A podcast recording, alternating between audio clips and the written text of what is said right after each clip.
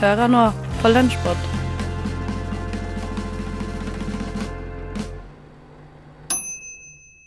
God morgen. Har du sovet godt? Å, godt å høre. Skal vi høre på frokost sammen? Ja, la oss, eh, la oss gjøre det. Hei, hei, hei. Theis er mitt navn. Ane, hei på deg. Hei, hei, hei. Er du flink til å komme opp med snappy svar eh, og, enklere, og kjappe replikker i hverdagslivet? Ikke i det hele tatt. Er du det, Håkon? Jeg gjør det en del, men jeg vet ikke om de er gode. Nei. Eh, Jeg liker å tro at jeg prøver meg av og til, men jeg syns ikke jeg treffer alltid. Eh, og dette konseptet jeg har laget ut av dette problemet mitt, er Hva sa Theis? Eh, hvor jeg presenterer situasjoner fra mitt liv hvor jeg mener at jeg har feilet litt. Og eh, dere to, Ane og Håkon, skal få lov til å gjette hva eh, dere tror jeg sa, og komme med et forslag til hva jeg burde sagt. Mhm. Eh, så da tror jeg vi først skal høre en, reke, en recreation av en situasjon som skjedde for en drøy uke siden. Det er en mørk og stormfull aften.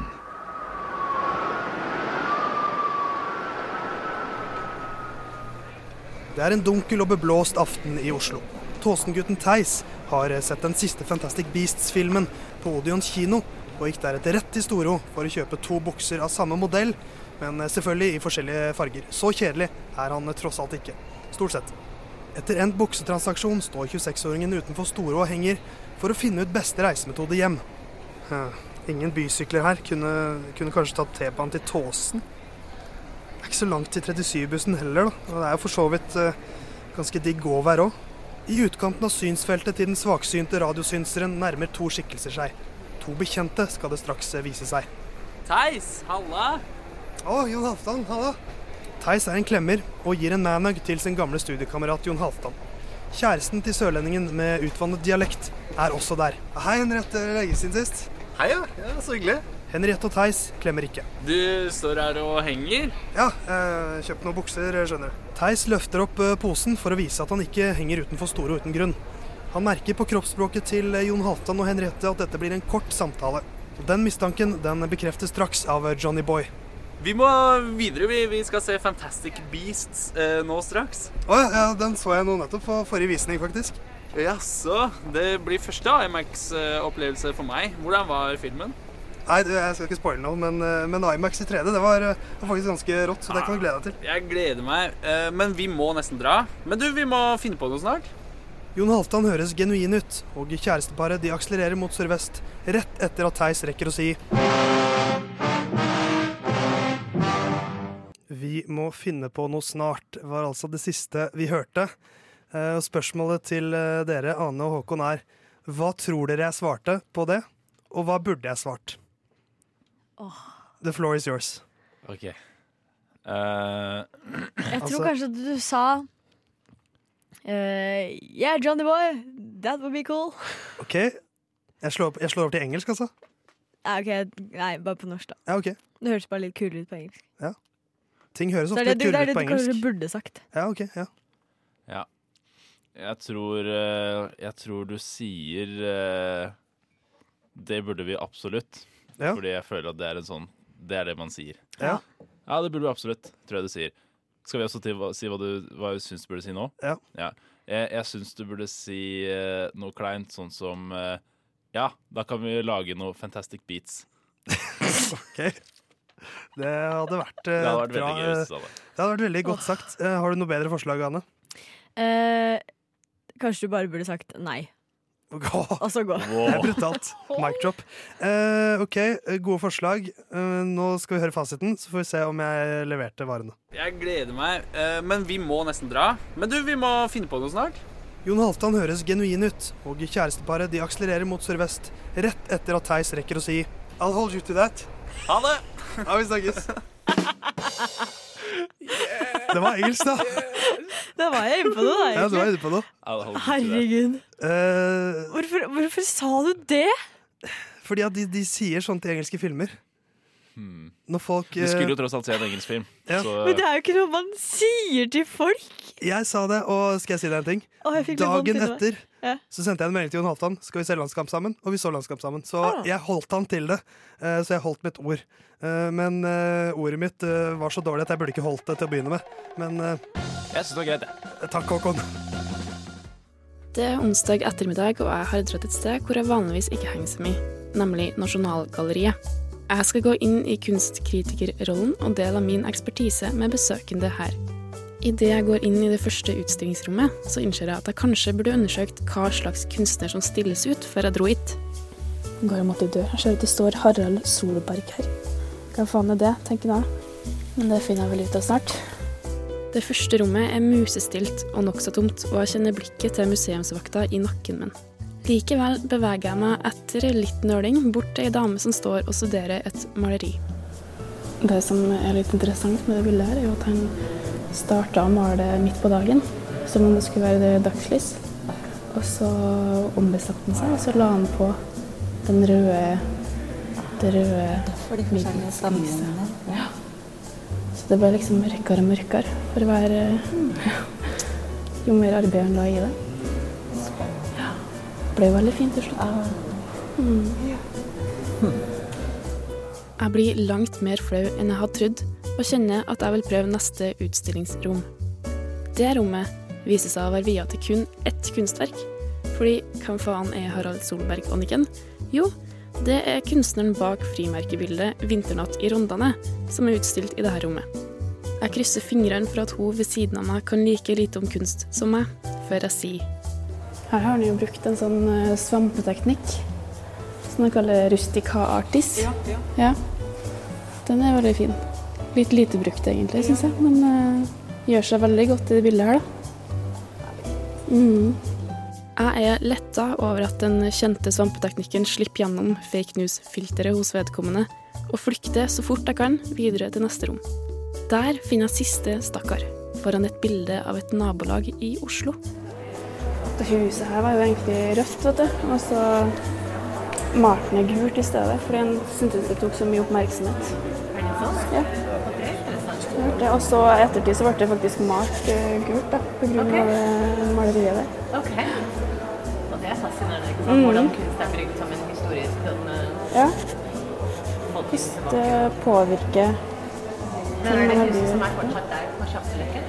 Som er brukt som Det vet jeg ikke. Det vet jeg ikke. Så vet jeg ikke om det Det her er tydeligvis en person med mer lokalkunnskap enn jeg hadde håpa på. Hva har jeg forvilla meg inn i nå, tenker jeg, og forsøker å roe meg forsiktig mot en slutt på samtalen. Et av det her, ja. ja. ja det kan hende det er veldig artig hvis det er det samme huset. Ja. Mm. Lite grasiøst, og jeg mista det lille av selvrespekt jeg hadde på veien. Men sånn skal vel en ekspedisjon være. Jeg vinker farvel til Solberg og kunsten hans, og tenker at det blir lenge til neste gang Nasjonalgalleriet får besøk av meg.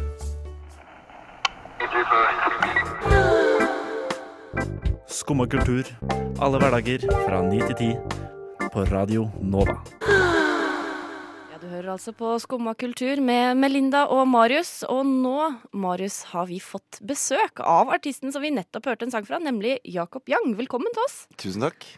Har du lyst til å si litt om den eh, låta vi hørte nå? Bars yeah. of Funk, Roll the Dice? Ja, eh, det er eh, altså en en groove-basert låt som jeg har kalt 'Sixteen Bars of Funk, fordi jeg er rett og slett bare beskrivende på hva det er. Eh, og så er den eh, på en måte fundamentet eh, på låta, men eh, den er basert på et dikt av eh, amerikanske beat-forfatteren, poeten Charles eh, Bukowski som eh, skrev dette her eh, ja, på 70-80-tallet en, en eller annen gang.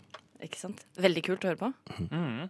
Og, og dette er en del av det nye albumet som eh, du kommer med nå denne uka. Ja. Um, og vi kan snakke litt mer om det etter hvert. Men eh, eh, når begynte du egentlig med jazz? Oi. Uh, For du holdt på, holdt på en stund. ja, når begynte Vet du hva, da, da må jeg nesten tenke litt tilbake. Uh, jeg begynte å spille i fritidsklubbband. Og da gikk jeg i det som den gang var ungdomsskolen. Det var da sjuende til niende. Eh, og da er man sånn 14 år eller noe sånt. 12-13-14 år. Da begynte jeg å spille i band, og da spilte vi litt sånn, litt sånn rock, og cover og pop og sånn. Og så, og så begynte jeg på Foss, på musikklinja. Og da hadde jeg snust litt på noe Miles Davis-ting og, og noe Jan Garbarek-ting og sånn. Og da begynte jeg vel egentlig å øve og studere det litt sånn på egen hånd. Hvor lenge siden var dette? André? Oi, oi, oi. Det var før du ble født. Ja. Eh, jeg er sikkert, nesten sikker på. Um, nei, det var i Skal vi se, da blir det 1986. Og siden så har du stort sett eh, fokusert på jazz. Ja, eller ja. Jeg studerte musikk, og så jeg bodde jeg fem år i New York. Og studerte på Tok en sånn bachelor of fine arts i musikk og improvisasjon og komposisjon. Og så jobba jeg der i to og et halvt år som frilanser.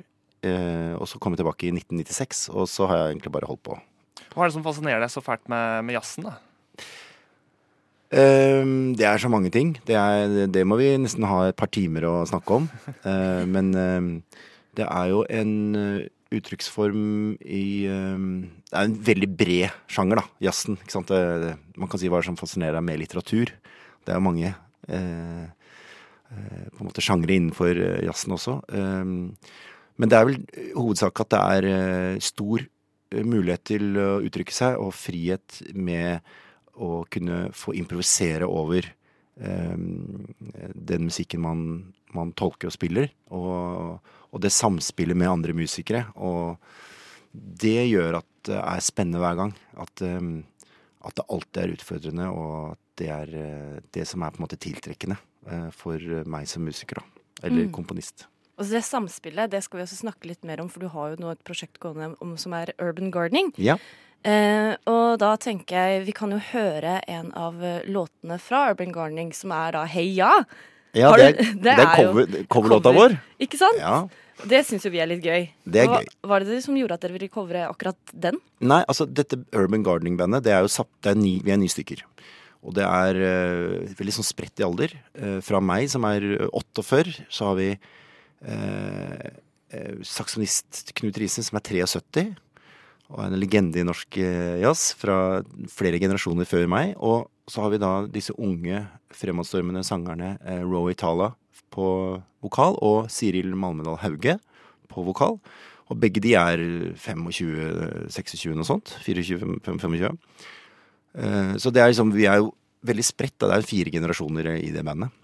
Um, så akkurat den låta der, det- var sånn eh, egentlig Sirils idé å gjøre cover på den.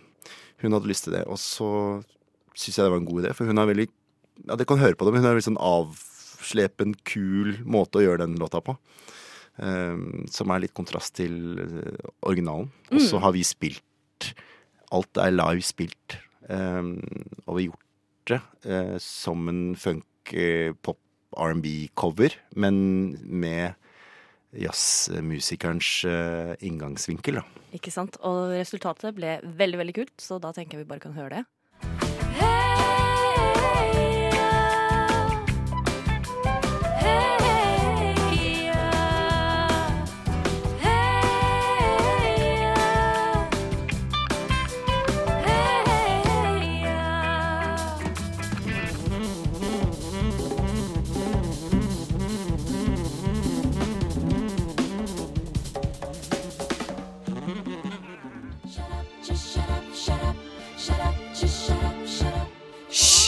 Hører vi på tekstbehandlingsprogrammet.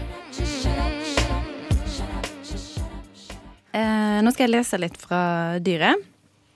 Um, her er jeg um, i starten av boka, der uh, hovedpersonen akkurat har blitt uh, gravid, og leter etter referanser i kulturen. Um, eller liksom etter gravide forbilder. Bare stopp meg hvis det blir mye grin her. Det fins uendelig mange mødre og barn i kunsthistorien. Et oppbrukt motiv, nesten som stilleben av fruktfat og hovedskaller. Ofte vender barnet seg bort, mora lener seg mot barnet med blikk og med hender. Kanskje hun gir mat fra ei skje eller et bryst. Enkelte av mødrene har et tomt, fjernt blikk. De er i naturen eller i sengene, senga, liggende halvt avkledd. Disse barmfagre mødrene virker å være den eneste kulturelle referansen min. Eller Rosemary, som går rundt med djevelbarnet i magen. Tenker på alle mødrene jeg kjenner. Før var de ingenting annet enn mødre. Mødrene til venninner var bare trygge skygger. Det fantes bilder av mamma før hun fikk meg, men det var liksom ikke henne. Lenge trodde jeg at mamma var udødelig, fram til den augustdagen hun fortalte meg at lady Diana var død. Diana var også ei mamma. Hun var den første døde mora jeg visste om. I løpet av ettermiddagen la jeg to og to sammen. Om Diana kunne dø, kunne mamma også det. Jomfru Maria dukka ofte opp det første semesteret jeg studerte kunsthistorie. Jeg tenkte på henne som et ganske banalt motiv, bestilt og konstruert av menn. Framstilt som den høyeste forma for kvinne, jomfru og mor. Enten i sorg over det tapte barnet, eller som vakker, varmor. Vi reiste på klassetur til Roma. I Peterskirka så jeg Pieta av Michelangelo. Ei ung Maria med den døde voksne sønnen liggende på fanget. Ansiktet mildt og evig ungt. Skapt i et mannlig blikk, sjøl ikke i sorg, fikk det stygge trenge gjennom den mjuke marmoren. Tusen takk, Heidi. Og takk til Sonja for veldig passende bakgrunnslyder. Ja, det var flaks at jeg hadde med baby på denne boka, og ikke Nettopp. forrige. Når var det du skjønte at du ville skrive denne boken? Mm, det var da jeg var gravid med mitt første barn, eh, og bare leita etter bøker. Så tenkte jeg sånn hm, ja, det var jo litt eh, rart, så kanskje det kunne vært noe å produsere. Og så ble jeg òg veldig fascinert over hele den opplevelsen av å være gravid. Eh, og snakka med veldig mange rundt meg hva de tenkte på. Eh, men så fikk jeg jo en baby, og så ble det veldig vanskelig å liksom ja, få gjort noe med alle de tankene. Så etter litt tid så begynte jeg liksom å prøve å skrive noe av alt jeg hadde samla meg opp av tanker og ja, det jeg mente eh, litteraturhistorien savna om eh, tematikken. Ja, hvor mye har du egentlig brukt av egen graviditet i dyret? Eh, jeg har heldigvis hatt eh, veldig fine graviditeter, og hun i dyret har jo ja, helt andre utfordringer enn det jeg har hatt. Eh, hun har eh, ganske utrygge rammer rundt seg. Hun har ikke rett på foreldrepenger. Um, ja, og har heller ikke en leilighet. Hun bor, hun bor i et kollektiv.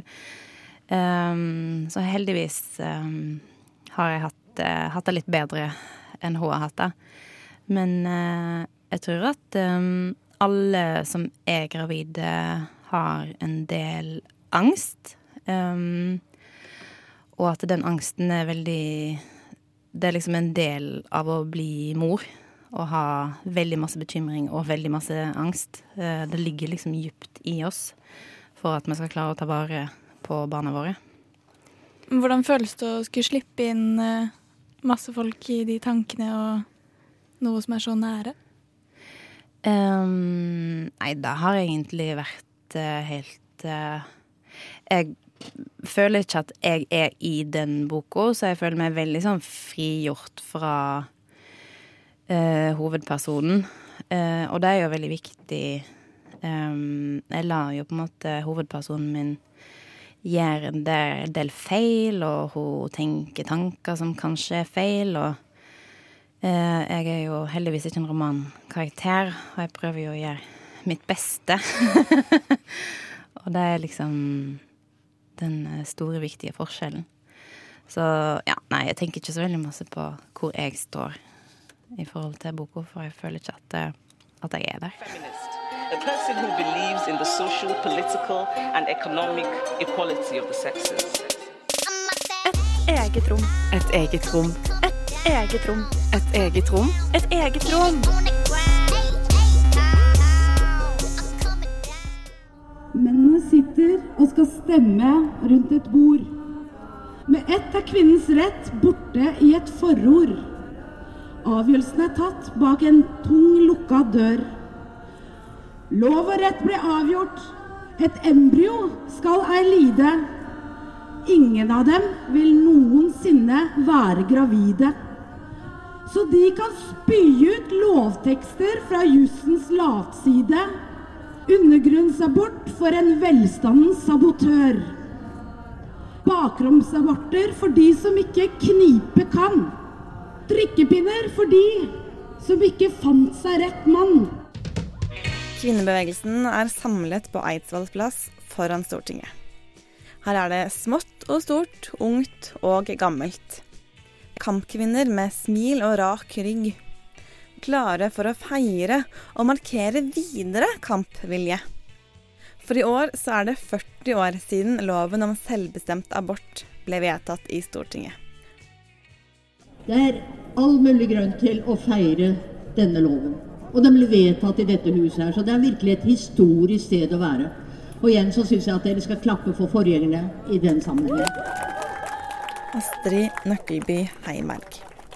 Første kvinnelige psykiater med doktorgrad og første kvinnelige Røde Kors-president, både nasjonalt og internasjonalt.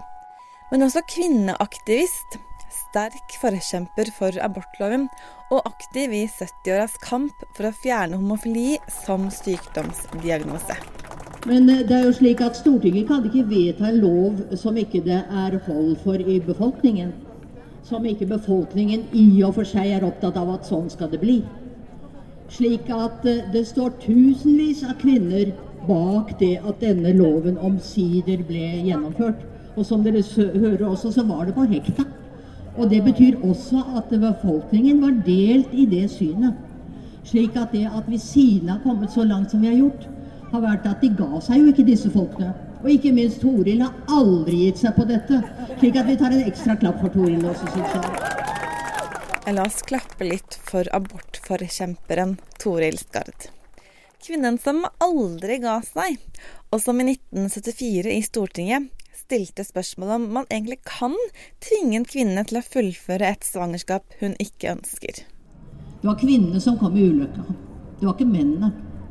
Og det var mennene som også satte grenser for hva som skulle vært tillatt. Det var stort sett mennene etter hvert som også dominerte de kommisjonene som skulle vurdere om det var akseptabelt, det hun hadde som en grunn til at hun ville ha abort. Dette har ikke bare å gjøre med et inngrep, eller det har ikke engang med liv og død å gjøre. Det har også veldig mye med kvinners selvbestemmelsesrett å gjøre. Selvbestemt abort har vært det viktigste framskrittet for kvinners frihet ved siden av stemmeretten. Dette er Ane Stø, leder av kvinnegruppa Ottar. Kvinnegruppa som er oppkalt etter en av de viktigste pionerene i Norden når det gjelder seksuell helse, nemlig Elise Ottesen Jensen. Elise var opptatt av at kvinner skulle ha råderett over egen kropp. Kampen for kvinners rett til prevensjon og sikre abortmetoder var den gang, som i verden i dag, både et kjønns- og et klassespørsmål. Kvinner fra borgerskapet har kunnet dra f.eks. til England eller kjøpe seg ut av elendigheta på trygt vis. Arbeiderklassekvinner og enslige har ikke hatt de samme mulighetene. Vi skal heller ikke legge skjul på at religiøs innflytelse er en viktig grunn til begrenset rett til prevensjon og abort. Patriarkatet bygger på kontroll med kvinners seksualitet og kropp. Der prestene får innflytelse på politikken, må kvinners rettigheter og frihet som oftest vike. Retten til å bestemme over egen kropp og seksualitet er det viktigste spørsmålet for jenter og kvinners liv og helse i verden. Og vi er stolte av abortloven vår. Men vi veit at loven er under angrep også i Norge. Og det gjenstår fortsatt mye for å sikre kvinner fullstendig råderett over egen kropp. Det er på høy tid å utvide retten til selvbestemt abort også til 18. svangerskapsuke. Det er ingen grunn til at kvinner som oppdager graviditeten seint, finner skade på fosteret eller opplever en endret livssituasjon, skal måtte søke en nemnd om å få ta abort. Selvbestemt abort innebærer jo et prinsipp om at kvinnen selv, hun som er gravid, er den mest kapable til å bestemme over om det er forsvarlig å gjennomføre svangerskapet eller ikke. Med lov om selvbestemt abort så vil vi unngå ulovlige aborter. Vi ville unngå vanskene med å gjennomføre en umulig og urettferdig lov. Og vi ville unngå å krenke kvinnenes moralske frihet og ansvar. Dette er et utdrag fra talen til Toril Skard. Om fortellingen om hvordan abortloven ble til. Og om en rettighet som kvinner i andre land fremdeles må kjempe om. For å beholde eller for å oppnå. Jeg står her i dag med utrolig mange forskjellige følelser. Jeg står her og gleder meg. At vi kan feire 40 år av selvbestemt abortlov i Norge. At det finnes så fint sted i verden hvor kvinner må ikke være livredd når de ser på graviditetstest. Malgorzata Jonsi Adamska er en av de mest fremtredende polske aktivistene som både i Polen og i Norge kjemper for å bevare retten til selvbestemt abort i hjemlandet. Jeg står her og jeg er sjalu.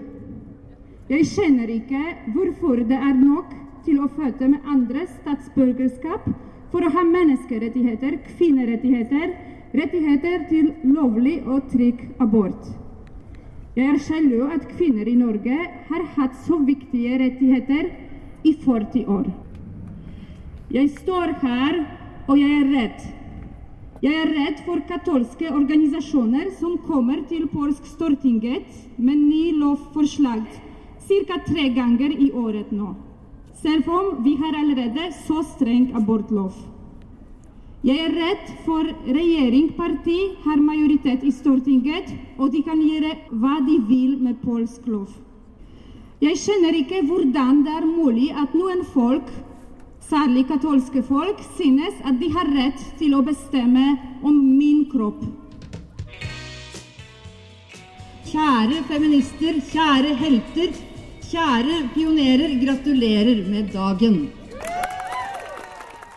Ja, der altså var det War. Og nå, Siri, skal vi snakke om Høyre. Høyre. Ja, For Ja. hva har de gjort her, egentlig? Høyre har jo da, som du sa i stad, de starta med at de prøvde å få KrF på sin side. Og så eh, prøver da, eh, føler at Høyre da prøver å gjøre alle fornøyde, fordi da går Erna ut og sier at nei, endringen i loven her kommer ikke til å endre antall aborter. Det kommer ikke til å gjøre det vanskeligere for kvinnen å få abort. Nei. Nei, fordi at hun argumenterer med at vi selv om to C fjernes, så kan de andre bokstavene i paragraf to fortsatt gjøre at kvinnen kommer til å få abort. Så i praksis så vil ingenting endre seg. Ja, men altså, Ja. det, er jo bare, det er jo bare tull. Fordi Mm. det er jo litt sånn altså det, er som det er jo den der forskjellen mellom å gå inn til en nemnd og være sånn Hei, jeg har et alvorlig sykt barn, eh, jeg vil ta en abort. Og så er det sånn OK, greit, du får det. Men hvis det endres, da, sånn som Høyre vil, Mm. eller mest KrF, da, men Høyre er åpen for å se på muligheten til å endre, liksom, så, eh, så blir det jo eh, at man må gå inn til nemnd og være sånn Hei, eh, situasjonen min er skikkelig dritt. Eller hei, jeg er syk. Eller hei, jeg er fattig. Eller altså Ja. sånn Da må man begrunne det, da, med Ja. helt andre eh, ting som går på deg sjøl som person, i stedet for at det er nok, skulle jeg si, å bare være sånn Det her er et sykt barn som jeg føler jeg ikke kan ta vare på. Ja. Ja. Og jeg synes det er skikkelig teit, sånn som, eh, sånn som Høyre nå har holdt på, at, at å forklare sånn her at ja, det skal gjøres en endring i loven som ikke vil gi noe praktisk endring i det hele tatt. Ja, Ja. hvorfor skal man gjøre en endring da? Da trenger man ikke å endre den. Nei. Så det jo bare, det viser jo bare at Erna nå prøver å glatte ut diskusjonen, fordi den har blitt, kanskje den har blitt så opphetet. Ja. ja.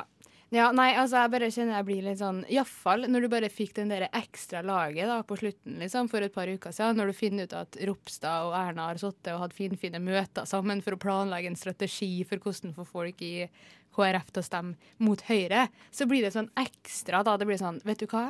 Nå er det nok. Fordi det her er jo De bruker jo kvinner og familier sin reelle situasjon Ja. som en brikke i et politisk spill. Ja, for at de skal få mer makt. Det er ikke greit, altså. Nei, og så er det sånn, ja, det er greit nok at ok, Erna må gjøre noe fordi hun kan reelt miste liksom, sta å være statsminister og bla, bla, bla, bla, men nei. Det er ikke greit. Mm. Det er virkelig ikke greit i det hele tatt. Ja, nei, altså, har vi noen siste tanker, Siri? Er det noe vi ikke har fått sagt? Nei, jeg, Nei, jeg er skikkelig provosert pga. denne debatten her. Fordi jeg, jeg syns det er Man skal ikke drive sånn her og innskrenke kvinners rettigheter. Og, og jeg, jeg blir ordentlig forbanna av at KrF ikke forstår at paragraf 2c er så viktig fordi det innebærer så mange alvorlige lidelser. Og eh, samfunnet har Eller de fokuserer så veldig på at det bare handler om downs. Men downs utgjør en så liten del av disse sykdommene som går under 2C. Mm. Og det glemmer de helt å se på. Ja, og så er det jo det derre evige, iallfall for oss, da, feministiske argumentet med at her kommer det en gjeng med fine klær som er vant til å sitte på et kontor, liksom, og skal bestemme over vår kropp. Ja. På en måte. Og det er jo kanskje det som er bare sånn det avsluttende argumentet for alle, iallfall i vår redaksjon. At det er sånn Det er nesten litt det samme, på en måte, hvordan den loven formuleres. Liksom. Poenget er bare at bottom line så skal det være vårt valg. Liksom. Det skal være den enkelte personen sitt valg, da. Og det er jo det det ikke blir når du setter så mange forutsetninger for det valget. Da blir det sånn, er det egentlig et reelt valg? Ja, ikke sant. Og det er et så stort steg tilbake å i det hele tatt bare diskutere dette her. Når vi har kommet så langt med likestilling og rettigheter, og så skal vi liksom gå tilbake igjen. Det er det jeg tenker hver gang abortsaken kommer opp i nye former og nye situasjoner. At hvorfor skal vi gå tilbake? Ja, hvorfor skal vi gå tilbake, og hvorfor må det alltid være abort? Ja. Liksom? Hvorfor kan vi ikke en gang ha en diskusjon om lønn for høydbetalte mennesker? Liksom? Hvorfor kan ikke det være debatten deres Mm. for å få ned fattigdom? Liksom? kan man ha mer distribusjon av penger i samfunnet? Eller sånn? Hvorfor kan ikke det være greia en gang? Liksom? Nei, nei. Det skal alltid være abort. Ja. Ja. Nei, altså Vi har uh, ranta masse akkurat nå. Det var egentlig litt digg. Det var det. Ja, Ja, ja, ja. sant? Det var litt fint. Det. Radio Nova. Nova.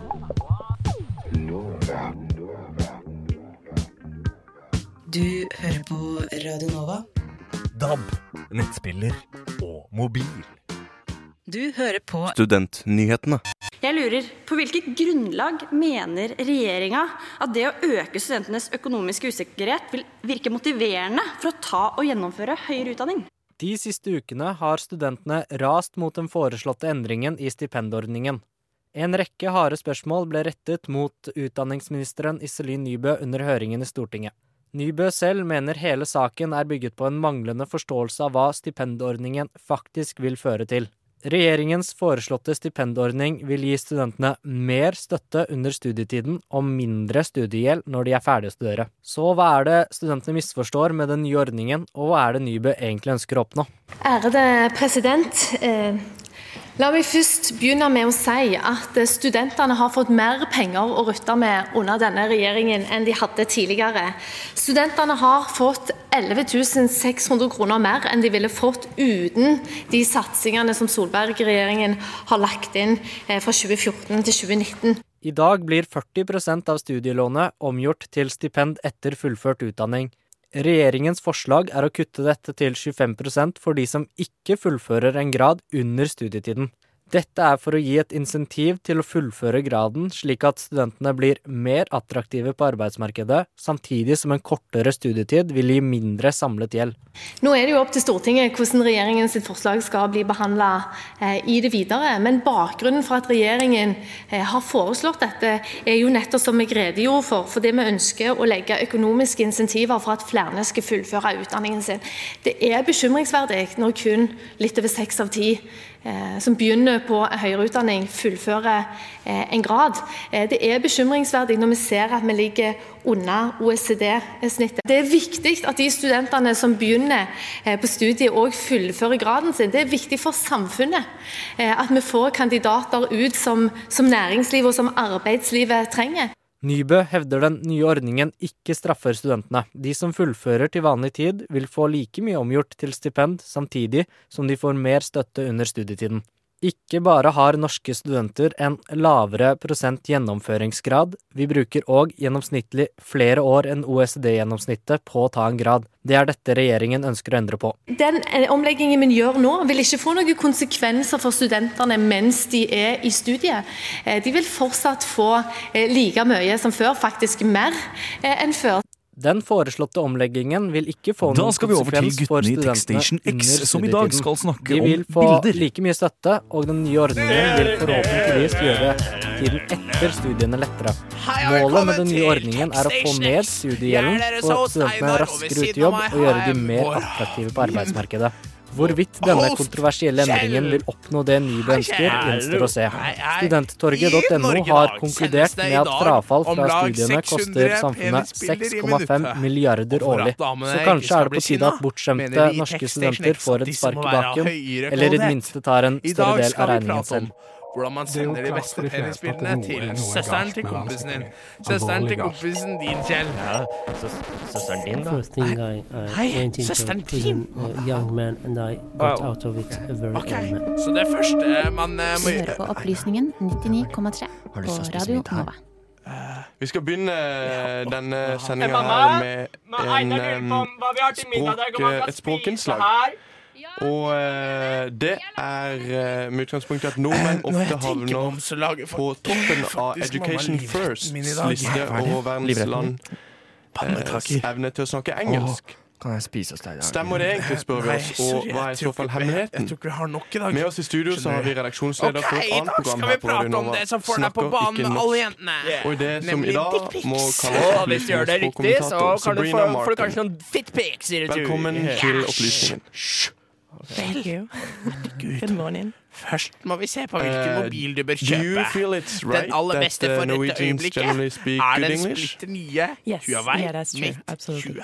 20. Um, Og mate betyr å uh, pare seg you're på very much engelsk. lucky television and not being dubbed from uh, an early age. I think you'll get exposed to it. Because you're from a country which uh, dubs uh, some of their popular culture. Where are you from? and what's your story? Den har Uh, hele fire kameraer uh, med hvert sitt formål. Det vil si at du kan få fire forskjellige resultater og velge de som blir størst eller UK tjukkest. Du kan f.eks. få med absolutt hele om du bruker vidvinkelkamera. Og hvordan er de norsk? Ja, eller om man bruker fem ganger ok. Er hybridzoom, så kan alle se hva du tar bilde av. Um, La oss prate om vinkler. Ja. Studerer du? Jobber du? Ja. Uh, jeg jobber. Ja. Og da leser du på norsk, eller? Uh, Var når det jeg sånn jobber. at Einar skulle spise Uh, ja. Ja, snakker- Nei, jeg skal snakker spise norsk, noe pølse og- ja. Du skal Og jeg prøver å se pølse? på Nei, TV i norsk også. Um, Mamma, bare, mamma, bare Nei, gå ut. Vi ikke lager les, nyheter eh, her. så mye. Mamma! Hvordan er det å være med i, eh, i et norsk radio? Um, det er ikke lett. Um, fordi hvis jeg går til um, hva, hva heter det um, um, Meeting. Um, Møte. ja. Mhm. Um, alle snakker norsk. Og inn så hva du syns om mitt uh, program er engelsk. Ikke send dickpics! Så uh, ja. Til må- oss? Send å et igjen. Yeah, and that's why we Hva will du do most of om dickpics? English. Ja. Hva liker du best? Uh, but you are, uh, Store, people here, små, well uh, slappe, stive. Lag gjerne uh, diskusjoner opplysningens språkkommentator kommentarfelt. for today. Og til First we will gang. uh, listen to uh, Keep et nerding! fra gata. Hvor uh, historien ligner litt på din, Sabrina. Kan vi spille Fortnite før du drar? Why, uh, Jeg tror ikke vi rekker det, for du må laste ned ny update først. Okay. Uh, Glippe! Slapp av! Kjell! Kjell!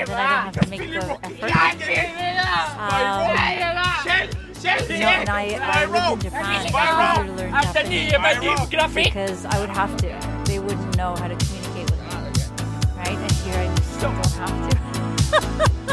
and at work as well, I can just, you know, do my work in English, which Yeah. is accepted. Where do you work?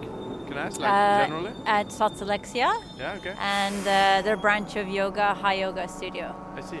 So I teach in English and I train students in English. And in the office, headquarters, I, I do the work in English. 'cause And everyone is okay with that? yeah, they're fine. I mean, they, they appreciate if I try. Yeah. But uh, it's the writing that's easier. The reading I can do very well with. It's just the speaking. Her hører vi altså en blid kanadisk dame som har bodd i Norge i ti år. Hun har ikke lært seg norsk flytende, fordi hun kan snakke engelsk på jobben og i andre sammenhenger. Hun har bodd i Japan, og der måtte hun lære japansk, for der kunne hun ikke snakke engelsk. Sabrina, kjenner du igjen i hos sin situasjon?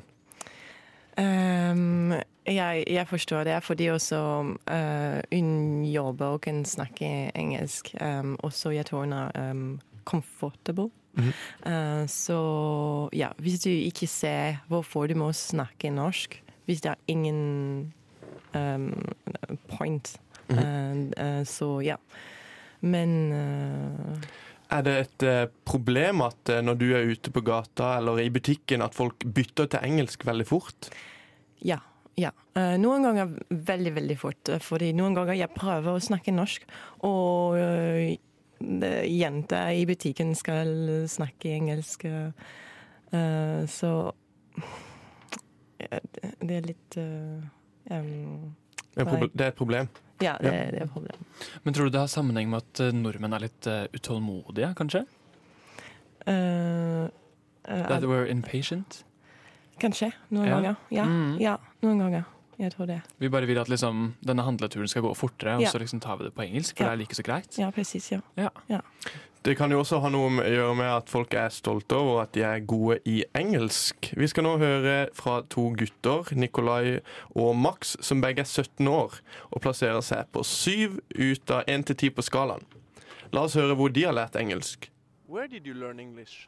Uh, I learned a lot of it from watching YouTube and in school, but actually more from the internet. Yeah.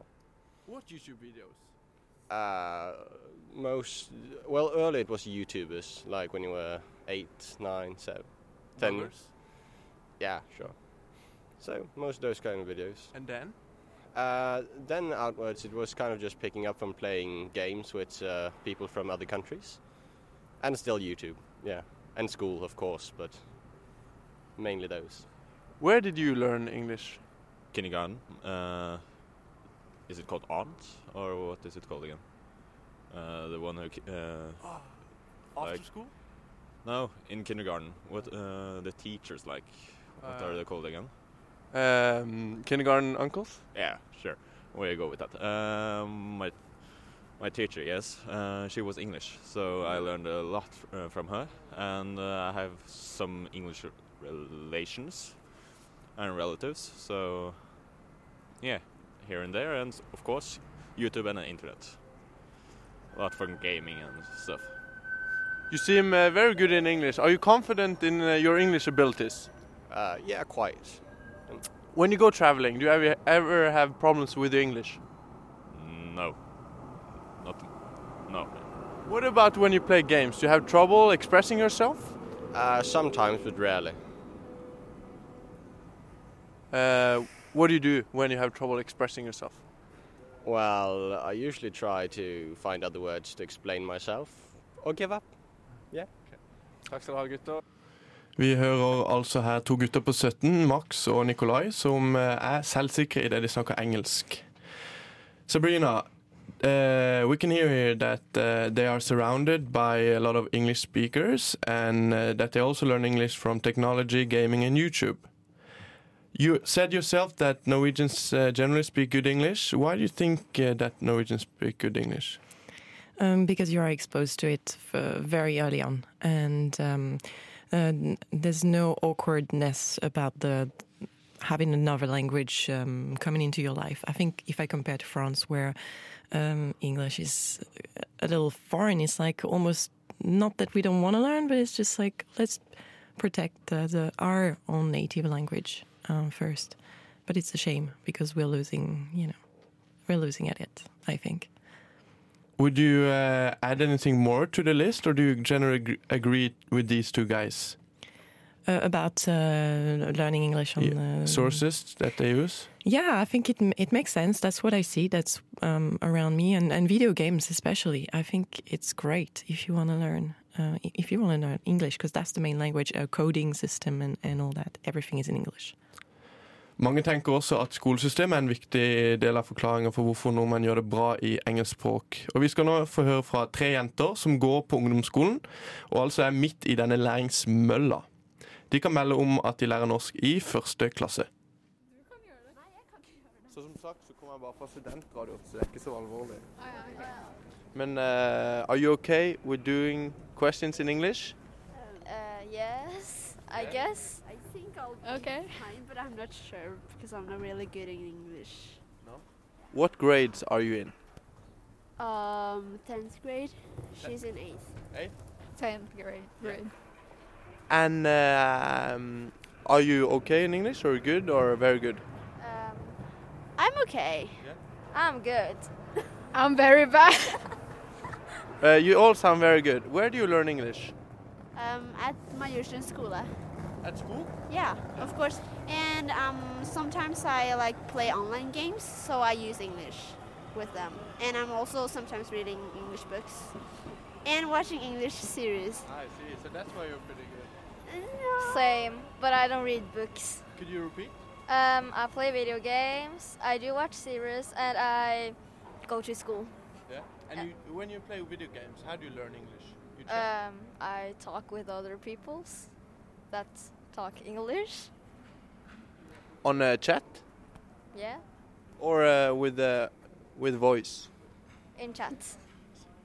And what about you? How do you learn English? Um, YouTube, um, at school, in YouTube, and yeah.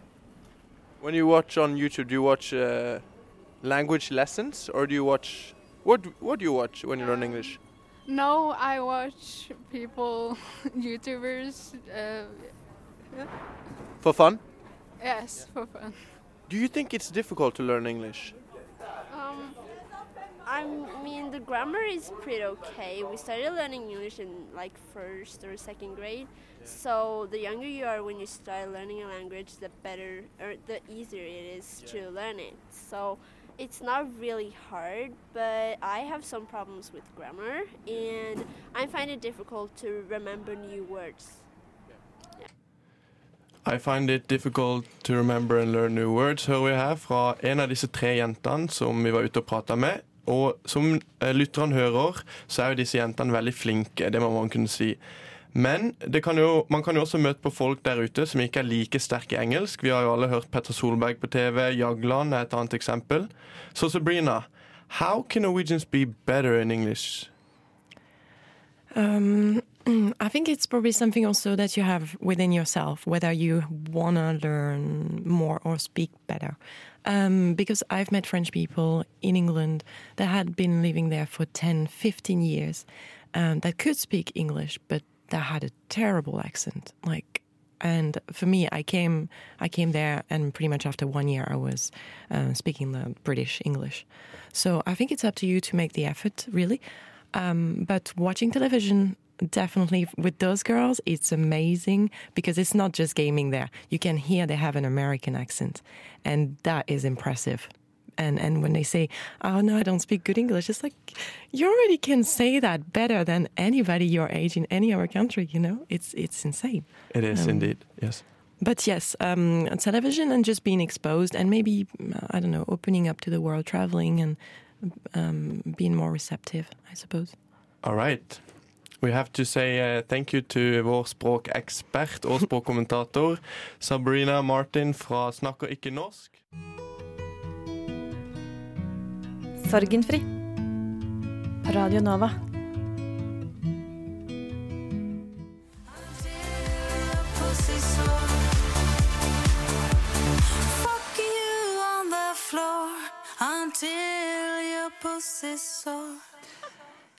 Det var eh, In Your Face med Tonje Gevion, og vet du hva? Jeg Ådne! står Ådne! Vi kan ikke spille dette Nei, på radioen. Jeg, jeg står her og angrer så utrolig hardt, fordi Ah. jeg hadde glemt hvor ille denne låta faktisk var. var. herregud. Å, Eh, altså, jeg, vil si, jeg hørte faktisk på den på vei hit, da, men jeg hadde likevel glemt hvor, Det- hvor ille det var. Nei, nei, nei. Vet du hva? Jeg, eh, jeg er faktisk eh, sjokkert. Vet du hva? Jeg er dypt sjokkert på mine egne Å, vegne også. herregud, du kan ikke høre på Nei. Og nå føler jeg at jeg har avslørt en sånn indre dyp hemmelighet om meg selv, som absolutt ingen burde ha visst om. Å, herregud. Nei, vet du hva? Jeg, jeg føler meg skitten av å ha hørt på det der. Ja, det gjør jeg også. Det var Eh. ikke bra for, eh, for nervene mine akkurat nå. Å.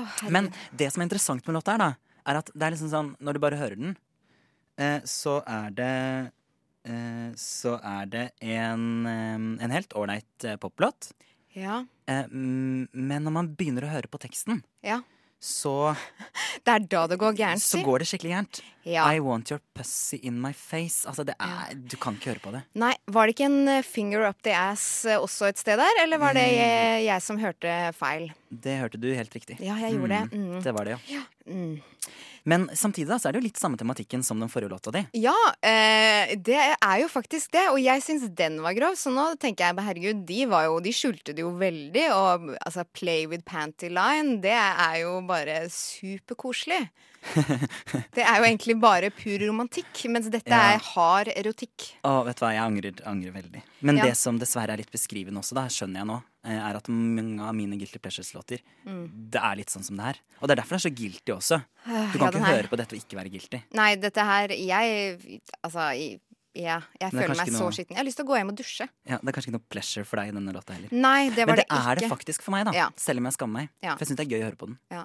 Jeg kjenner faktisk jeg fikk litt sånn hjertebank. Er det lov? Det er faktisk veldig, veldig lov. Åh, vet du hva, herregud. Um, dette, dette Jeg ble Ja, jeg er satt ut. Jeg klarer ikke. Vi skal nok eh, over til noe helt annet, eh, kjenner jeg deg rett, Kaja. Ja, vi skal det. Heldigvis.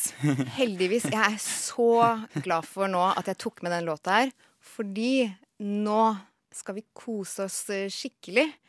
Og nå skal vi ta det helt ned. Dette er virkelig bare balladebonanza. Og jeg er jo vanligvis ikke så glad i ballader, så det er jo en av grunnene til at denne er guilty for meg. Ok, Men er det sånn at ballader generelt er guilty for deg? Nei, altså det, ofte er det veldig lite pleasure i ballader. Det er vel egentlig det. Ja, nettopp. Um, du bare gidder, du syns det er kjedelig? Du Jeg syns det er er det? kjedelig. Mm. Herregud, så kjedelig det er. Hva skal jeg med det? Men denne er det altså litt pleasure i. Denne er det veldig mye pleasure i, og jeg, denne sliter jeg med å forstå. Hvorfor akkurat denne er så pleasurable. Mhm. Hvorfor denne sangen her? Og igjen, dette, denne teksten er jo bare Altså, her er det bare romantikk, men det er så utrolig klissete. Så det er greit egentlig å lytte til, for her er det bare alle klisjeene stabla oppå hverandre gjennom hele sangen.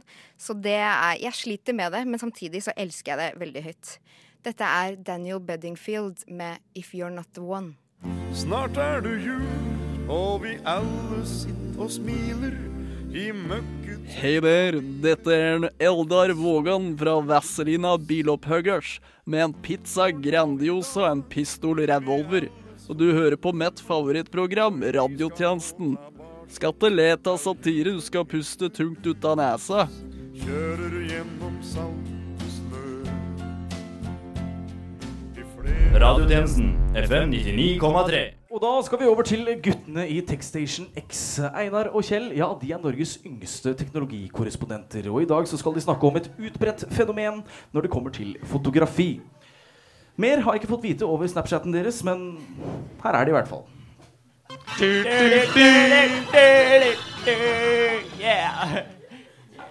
Hei og velkommen til Techstation X. Jeg er deres host Einar, og ved siden av meg har jeg host Kjell. Hei, Kjell. Hei. Ja. I Norge sendes i dag om lag 600 penisbilder i minuttet. Og for at, for at damene ikke skal bli sinna, mener vi i Techstation X at disse må være av høyere kvalitet. I dag skal vi prate om hvordan man sender de beste penisbildene til søsteren til kompisen din. Søsteren til kompisen din, Kjell. Søsteren din, da, eller? Nei, søs søsteren din, Kjell. Hæ? Ok. Ja, ok. Så det første, det første man må gjøre Begynnelsen. Einar, Einar, vent litt. Har du lyst til å spise her? Spise mi spis middag her? Eh, mamma! Einar lurer på om han kan spise her. Hva er det vi har til middag, egentlig? Ah, ja, det, det må han gjerne. Altså, vi har løksuppe, og så kan han ta litt kaffe og tiramisu etterpå, da. Når jeg tenker meg om, så lager faktisk mamma livretten min i dag. Hva er livretten din? Livretten min er pølse. Å, seriøst?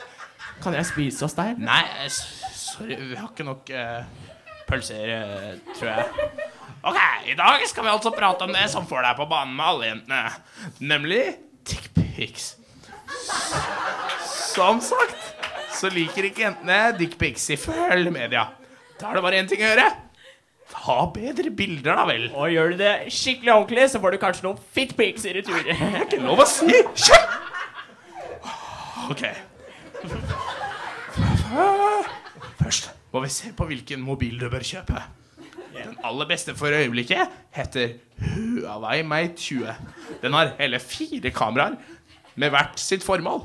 Det vil si at du kan få fire forskjellige resultater, og velge de som blir størst eller tjukkest. Du kan f.eks. få med hele greia om du bruker vidvinkelkamera. Ja, eller om man bruker eh, fem ganger hybridzoom, så kan alle se hva du tar bilde av. La, la oss prate om vin vinkler. Ja, nettopp. OK, Einar, ta av deg buksa. Eh, var det sånn at du skulle ja. spise her, Einar? Ja, nei, jeg skal hjem og spise pølse. Skal du ha pølse? Nei, takk! Mamma, bare gå ut, da. Vær så snill, vi lager nyheter her.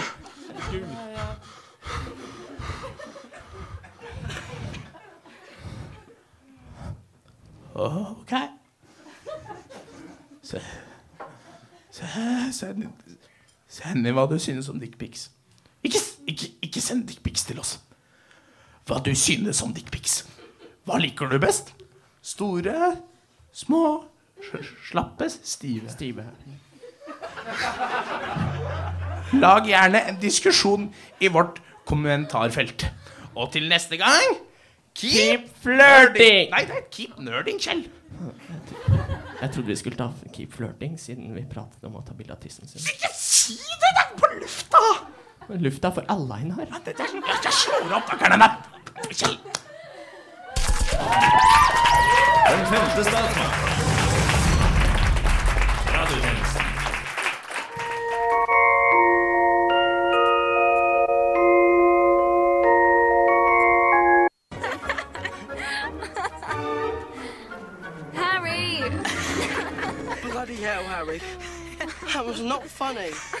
Nattsending er gøy. The slightest little slurp. På tråden så har vi direkte fra en Ja, og hva, hva Tale, Tale, fortell oss, eh, hvor er du nå? Eh, nå står jeg nede i, eh, dan ja, i andre etasje og eh, skal snakke med eh, de som driver swingersklubben. Eh, hva er det dere har gjort i kveld? Vi har hatt eh, juleball, så vi har vært her ja, siden klokka fem. Ja. Ok, Og, og hva, hva innebærer det? det er det vi gjør. da. Vi er studentforening, og vi syns det er sykt gøy. Så vi har egentlig bare kost oss. Det er innmari lenge. Ja, det er Det blir ikke lenge nok.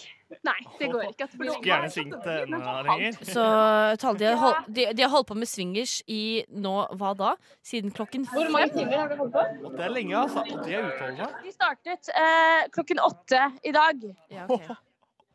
Oi, oi. Fem og en halv time. Nesten seks. Eh, hvordan er det? Driver dere og sånn, bytter partnere og sånn underveis, eller hvordan fungerer det? Ja, Vi har ikke faste partnere, Nei. så det er kjempemoro. Så vi bytter partnere hele tiden. Og, Ja. For det er liksom en del av å være medlem av klubben, at man er, det er på alle nivåer. Ja, det er det. Eh, hvordan klarer dere å holde ut i så mange timer? Oi, eh, jeg tror det er bare ren glede. ren glede. ja. Vi bare koser oss. Ja. Og så har vi mye godteri. Masse godteri. Det er viktig å holde blodsukkeret oppe. Ja. Så bra. Men hvis noen har lyst til å bli med i denne klubben, hvordan gjør man det? ja. Eh, vi har sånne gratis prøvetimer i slutten av januar igjen. Så det er bare å se etter oss på Facebook, Blindern rockesving. Så er det bare å møte opp. Er Blindern rockesving, ja. Eh, sånn forskjellige partnere og sånn eh, mens man holder på da, eller i den prøvetimen? Ja, på kurs så bytter man partner hele veien. Ja, Så det er litt sånn form for audition-runde, typ? Litt sånn audition? Nei, det er ikke noe audition. Nei, alle, alle kan være med. Alle, får være med. alle kan være med. Men er det en aldersgrense? Kanskje over 16 år, eller? Nei, alle kan være med. Ja? ja. Hvor lenge har du vært med? Oi, oi, oi. Et år nå. Hvorfor syns du det er så gøy? Mm, kanskje fordi det, du trener samtidig som du har det veldig morsomt.